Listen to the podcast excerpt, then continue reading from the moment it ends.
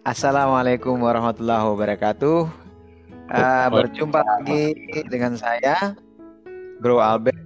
Di sini kali ini atau pada kesempatan ini saya mengundang dua rekan-rekan saya.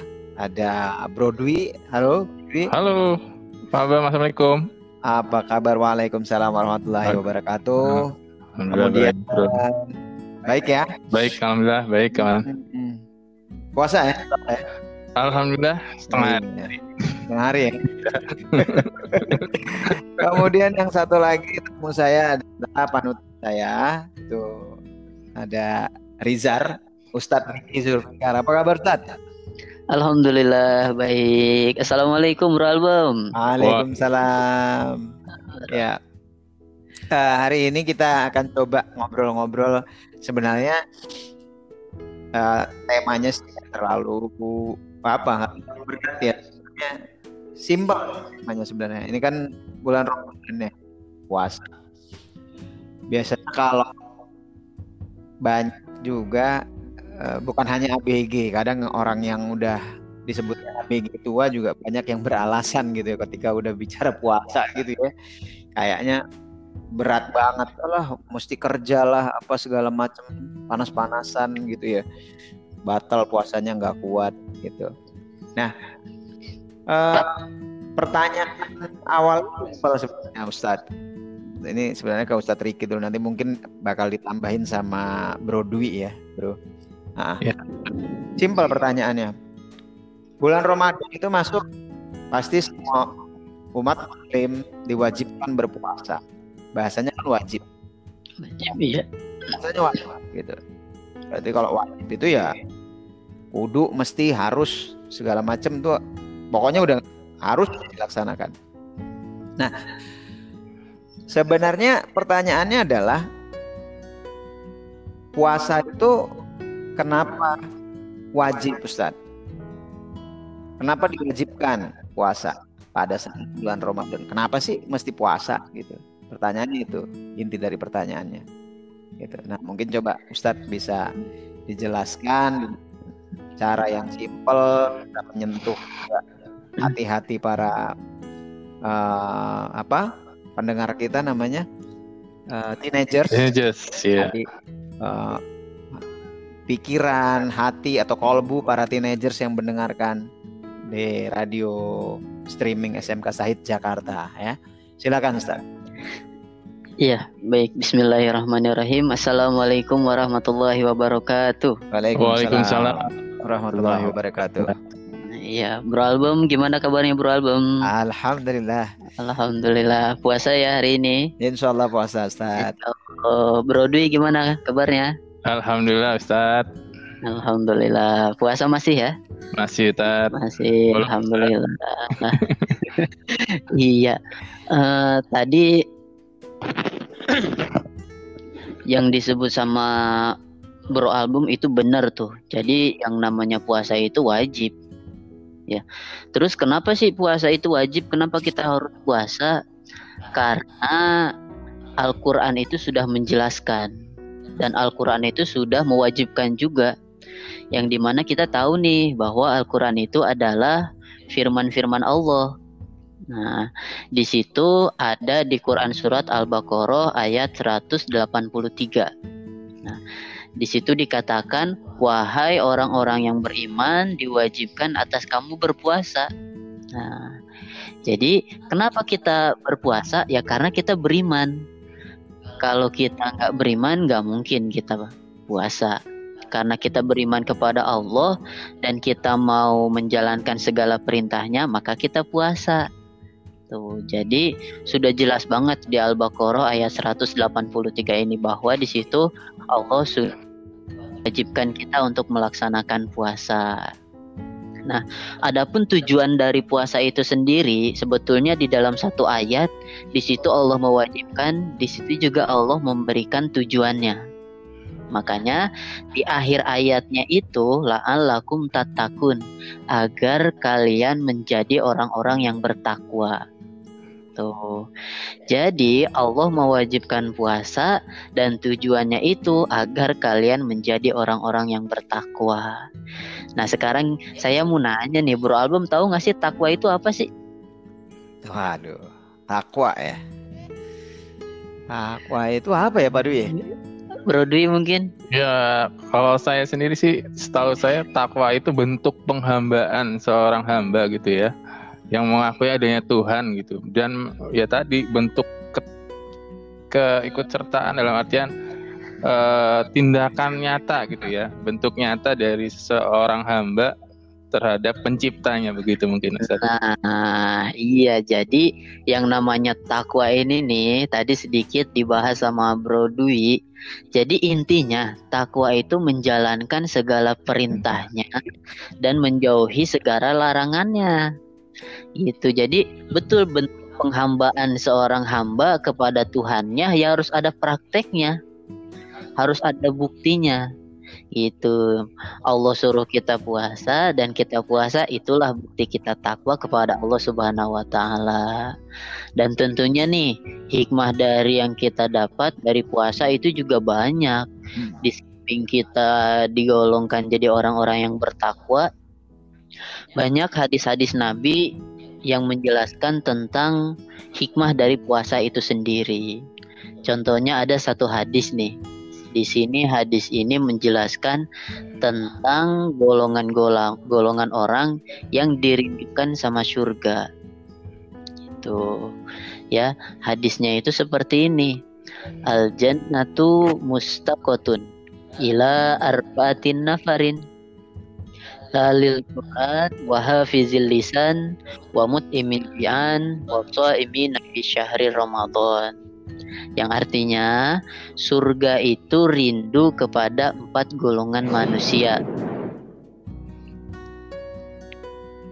Yang pertama, orang yang selalu melantunkan ayat suci Al-Quran atau dia sering membaca ayat-ayat Al-Quran. Tuh yang pertama tuh surga demen tuh sama dia tuh. Bahkan surga itu sampai rindu kangen sama orang-orang yang seperti itu.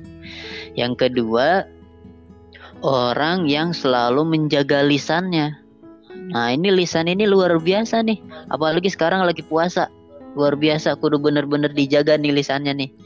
Jangan sampai kita sering mengucapkan hal-hal yang negatif. Yang ketiga adalah wamut imil jian, memberikan makan orang-orang yang lapar. Dan yang terakhir yang luar biasa nih, ya di samping Allah menjadikan kita orang-orang yang bertakwa ketika kita berpuasa, di dalam hadis pun sudah ditambahkan orang yang berpuasa adalah orang-orang yang dirindukan oleh surga. Masya Gitu. Allah. Masya Allah. Bro Album mau masuk surga nggak Bro Album? Oh, maaf banget.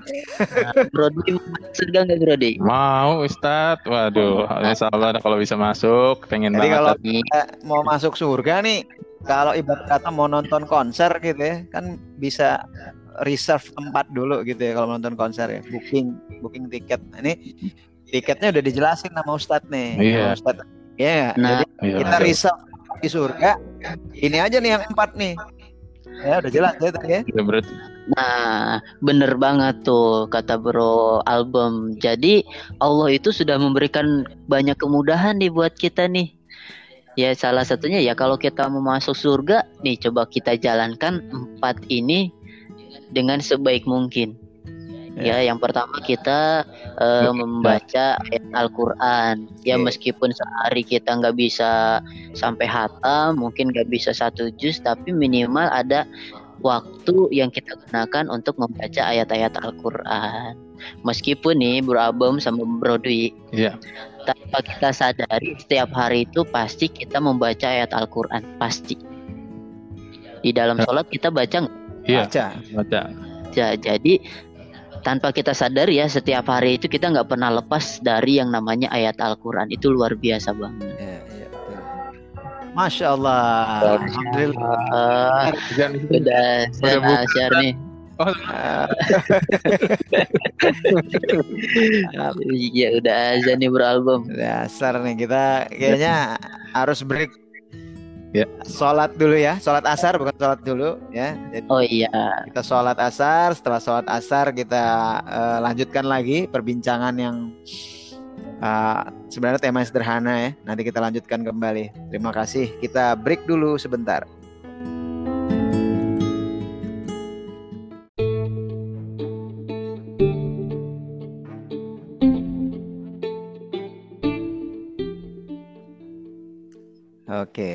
Oke, alhamdulillahirabbil alamin. Asar sudah, ya, asar sudah kita lanjutkan kembali perbincangan kita, perbincangan sederhana. Tadi kan kita sudah atau Ustadz Riki sudah membahas sampai tadi apa? Kita bisa reserve atau booking tempat di surga itu tadi sudah ada empat itu ya. Nah tadi Ustadz Riki sudah bahas yang pertama orang yang suka melantunkan ayat suci Al-Quran atau suka membaca Al-Quran gitu ya. Tapi ini tidak di bulan Ramadan ya Ustaz ya. Ini dalam ya, kehidupan, betul. Ya, dalam kehidupan sehari-hari dilakukan itu ya. Nah, terus uh, tadi apa lagi tuh yang keduanya? Yang kedua itu yang menjaga lisan. Nah, menjaga lisan. Nah, ini mungkin ini biasanya kalau menjaga lisan ini paling berat ya, apalagi kalau buat Benar, buat ibu-ibu kayak saya. Nah, itu di sering julid gitu susah. Kayaknya susah banget ya kalau cari tanpa julid. Mm Brody haji gitu lewat ya, bawa hmm. jalan gitu. Mak-mak yeah. bang saya. Iya, benar mampir langsung. Belanjanya cuma belanjanya cuma daun singkong selebar, ya enggak? Iya. nah, itu ada praktek menjaga lisan ini maksudnya seperti apa? Iya, ha -ha. Jadi di dalam prakteknya menjaga lisan, bahkan saya sedikit lagi tambahkan gini. Sepandai-pandainya orang itu salah satunya adalah orang yang pandai menjaga lisannya. Kenapa seperti itu? Karena luar biasa nih lisan ini. Meskipun tak bertulang tapi sangat bisa mematikan orang lain. Berapa banyak orang bisa uh, bertengkar, berapa banyak orang bisa terpecah belah, silaturahimnya jadi hancur itu cuma gara-gara dari ucapan. Itu makanya benar-benar kita itu harus menjaga lisan kita. Nah, apalagi nih di bulan puasa ini nih. Ini luar biasa. Lisan kita ini ketika kita tidak bisa mengendalikannya dengan baik di bulan puasa ini, maka pahala puasa yang kita lakukan di hari itu itu hangus gugur.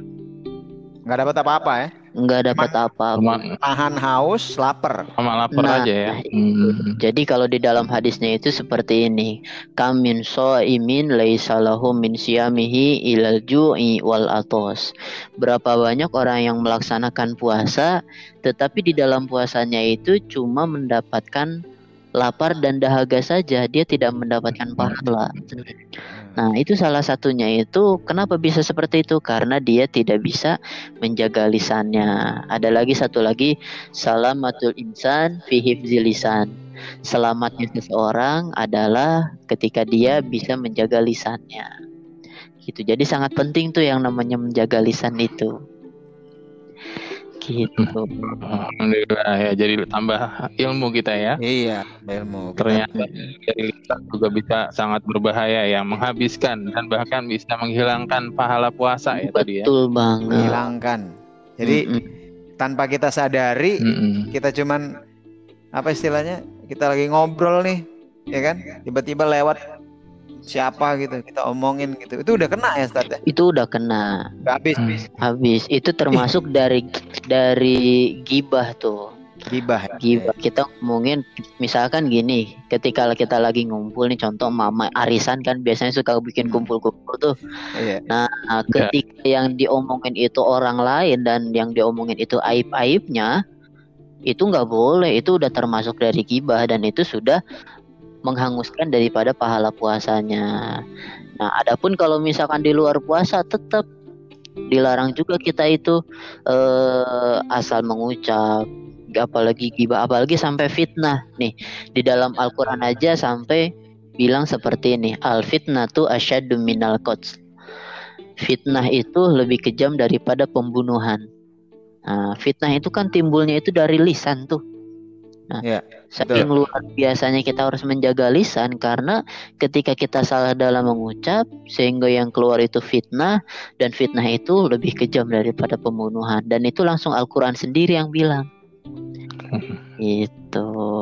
Oke, itu menjaga lisan ini memang bahaya banget nih menjaga lisan nih bisa. Iya. Gara-gara omongan yang padahal mungkin sepele sepele biasanya. Tapi bisa nusuk ke hati orang gitu ya dan Betul. apalagi kalau itu faktanya nggak benar yang diucapin Mm-mm. jatuhnya fitnah udahlah lagi puasa lu nahan apa lapar pas tadi nggak sahur pula gitu ya? Iya.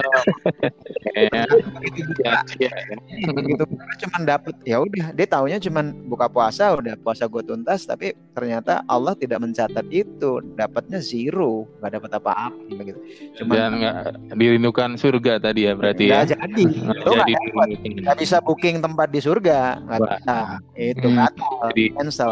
Ruginya ya, ya. Iya, makanya rugi deh kalau misalkan kita apalagi lagi puasa masih senang ngomongin orang, masih senang gibah, apalagi sampai fitnah itu rugi banget deh itu kalau seperti itu.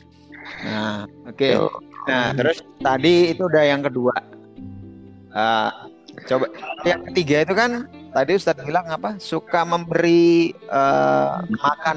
Iya, apa? Iya betul. nah ini gimana Ustadz Jadi memberi makan orang yang lapar itu kalau kita lagi puasa mungkin kita ngajak bukber orang lain. Tuh, Wah, Ya, boleh gitu. Mau kayaknya. Brody udah pesen aja nih. Kalau yang kayak gitu saya request banget.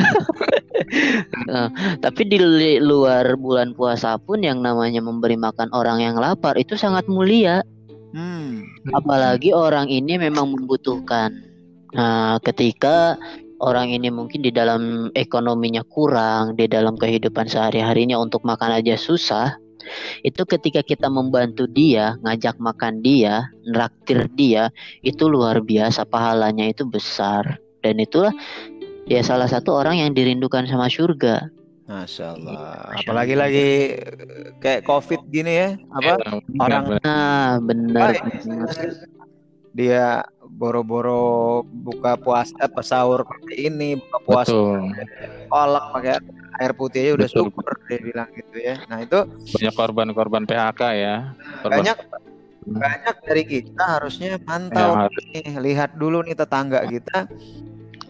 Ada nggak nih buat bukaannya nih ya kan betul betul betul. Kan orang asik-asik posting di status WhatsApp di IG ya nggak Alhamdulillah buka puasa pakai ini pakai itu dia nggak lihat Betul. tetangganya yang kena korban apa dirumahkan tanpa Rumahkan juga betul. ya ada Tanpa juga yang di PHK tanpa dapat betul. apa-apa ini kan kondisinya lagi begini sekarang tambah lagi bulan Ramadan Ya, Betul. Iya. kita ngasih sebungkus kolak aja itu berlipat ganda tuh Ustadz ya sebungkus kolak Oh, doang Pak.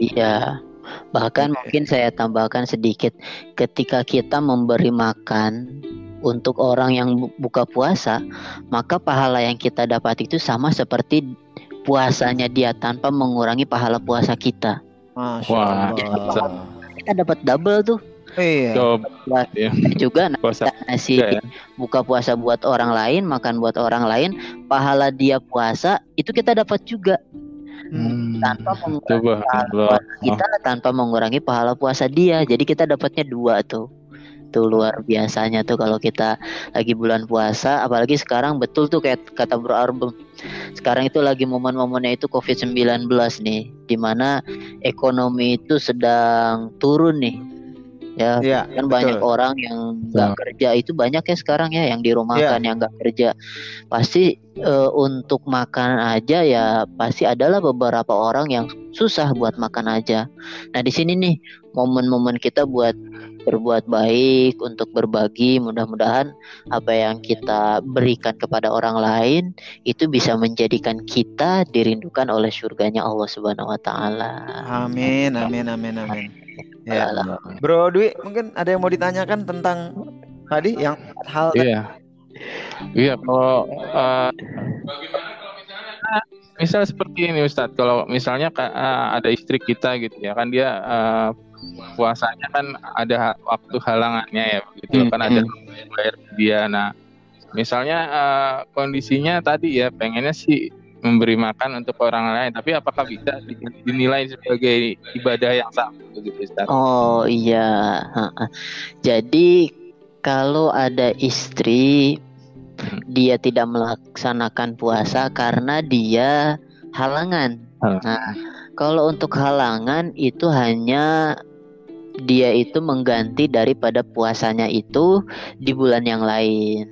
Oh, Jadi nggak wajib untuk bayar fidyah, nggak wajib. Itu cukup dengan menggantinya saja dengan eh, puasa di bulan yang lain.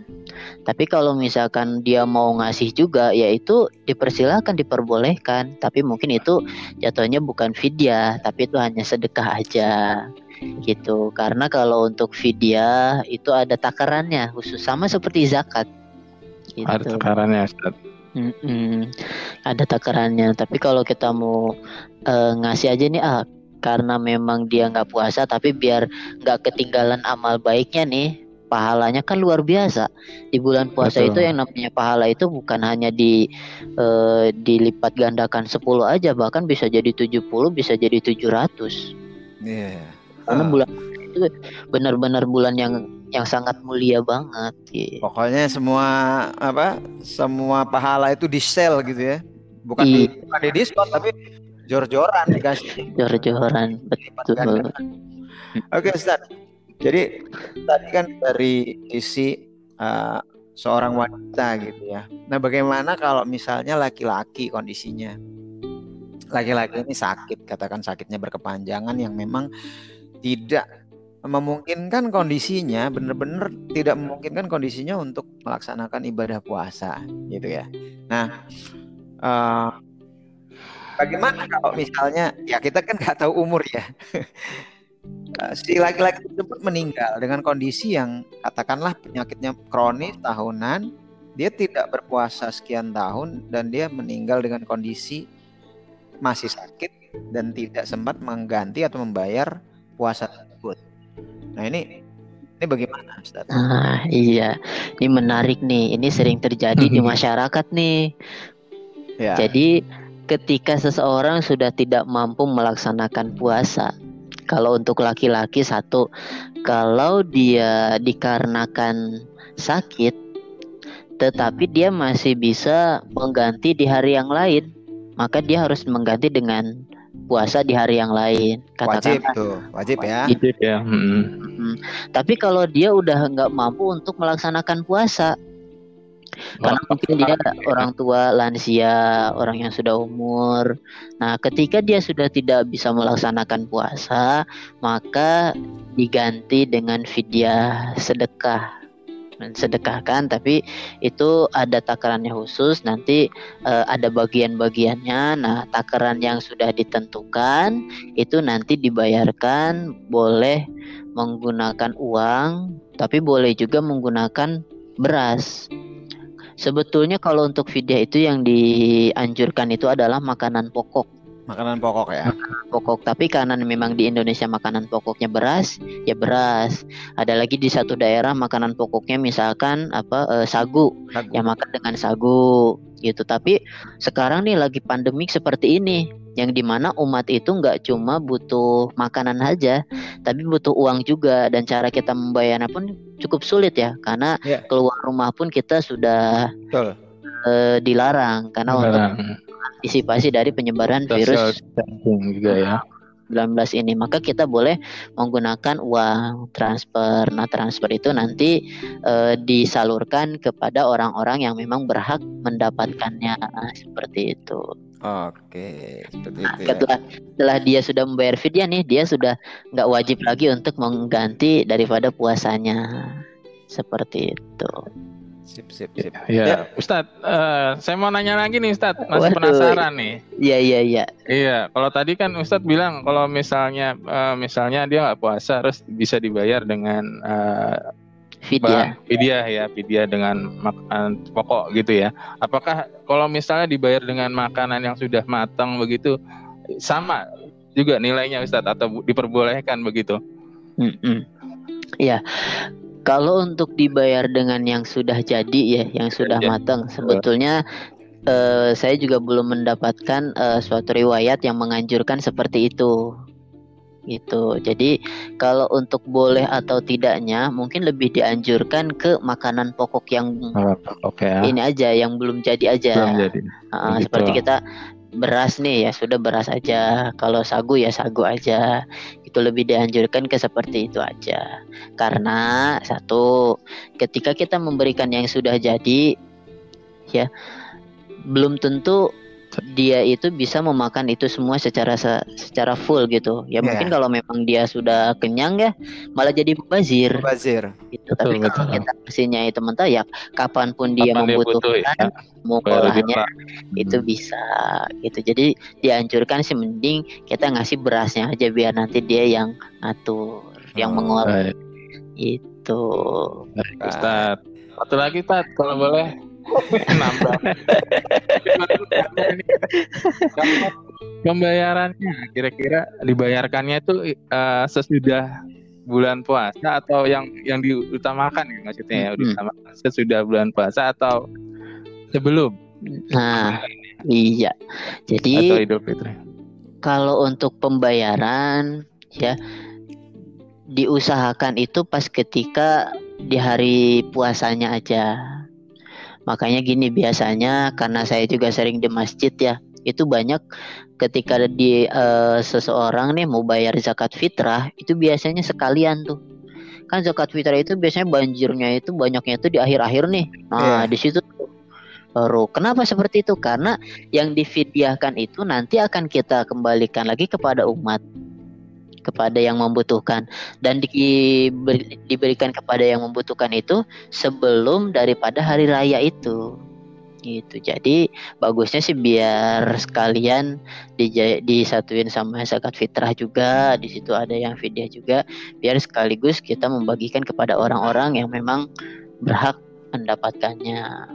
Itu dan di antara yang berhak mendapatkannya itu ya sudah dijelaskan juga di dalam Al-Quran itu salah satunya itu ya mungkin orang fakir miskin orang ibnu sabil sabilillah mualaf ya Ustaz? Masuk termasuk ya? Mualaf, termasuk. termasuk juga amin ya gitu. Hmm? yatim piatu? Yatim piatu. Kalau yatim piatu dia tidak termasuk daripada delapan kategori itu. Hmm, begitu. Tetapi kalau dari yatim itu ternyata mohon maaf misalkan anak yatim ini dia miskin berarti dia mendapatkan berhak tapi bukan karena yatimnya. Ya. Tapi karena miskinnya. Hmm. dia uh, karena bisa jadi kan anak yatim tapi dia mempunyai harta yang berlebih. Nah dia nggak wajib. Lebih diutamakan itu orang yang fakir miskin ibnu sabil sabilillah gorim. Nih gorim nih. Gorim yeah. itu orang yang terlilit hutang jadi orang yang terlilit utang itu dia berhak mendapatkan zakat. Oke. Okay. Ya seperti itu. Baik. Alhamdulillah uh, sangat bermanfaat kali uh, sekali bincang-bincang kita di hari ini ya. Cuman memang karena waktu kita uh, harus menyudahi untuk perbincangan atau obrolan kita di hari ini. Terima kasih kepada panutan saya Ustadz Riki oh, untuk ilmunya. Kemudian terima kasih kepada Bro Dwi yang sama-sama Bro uh, mengisi di podcast saya ini. Uh, Hirul Kalam, uh, terima kasih kepada teenagers yang sudah mendengarkan. Uh, semoga menjadi ilmu yang bermanfaat buat kita semua. Kurang amin ya amin amin amin ya rabbal Ya, terima kasih. Assalamualaikum warahmatullahi wabarakatuh.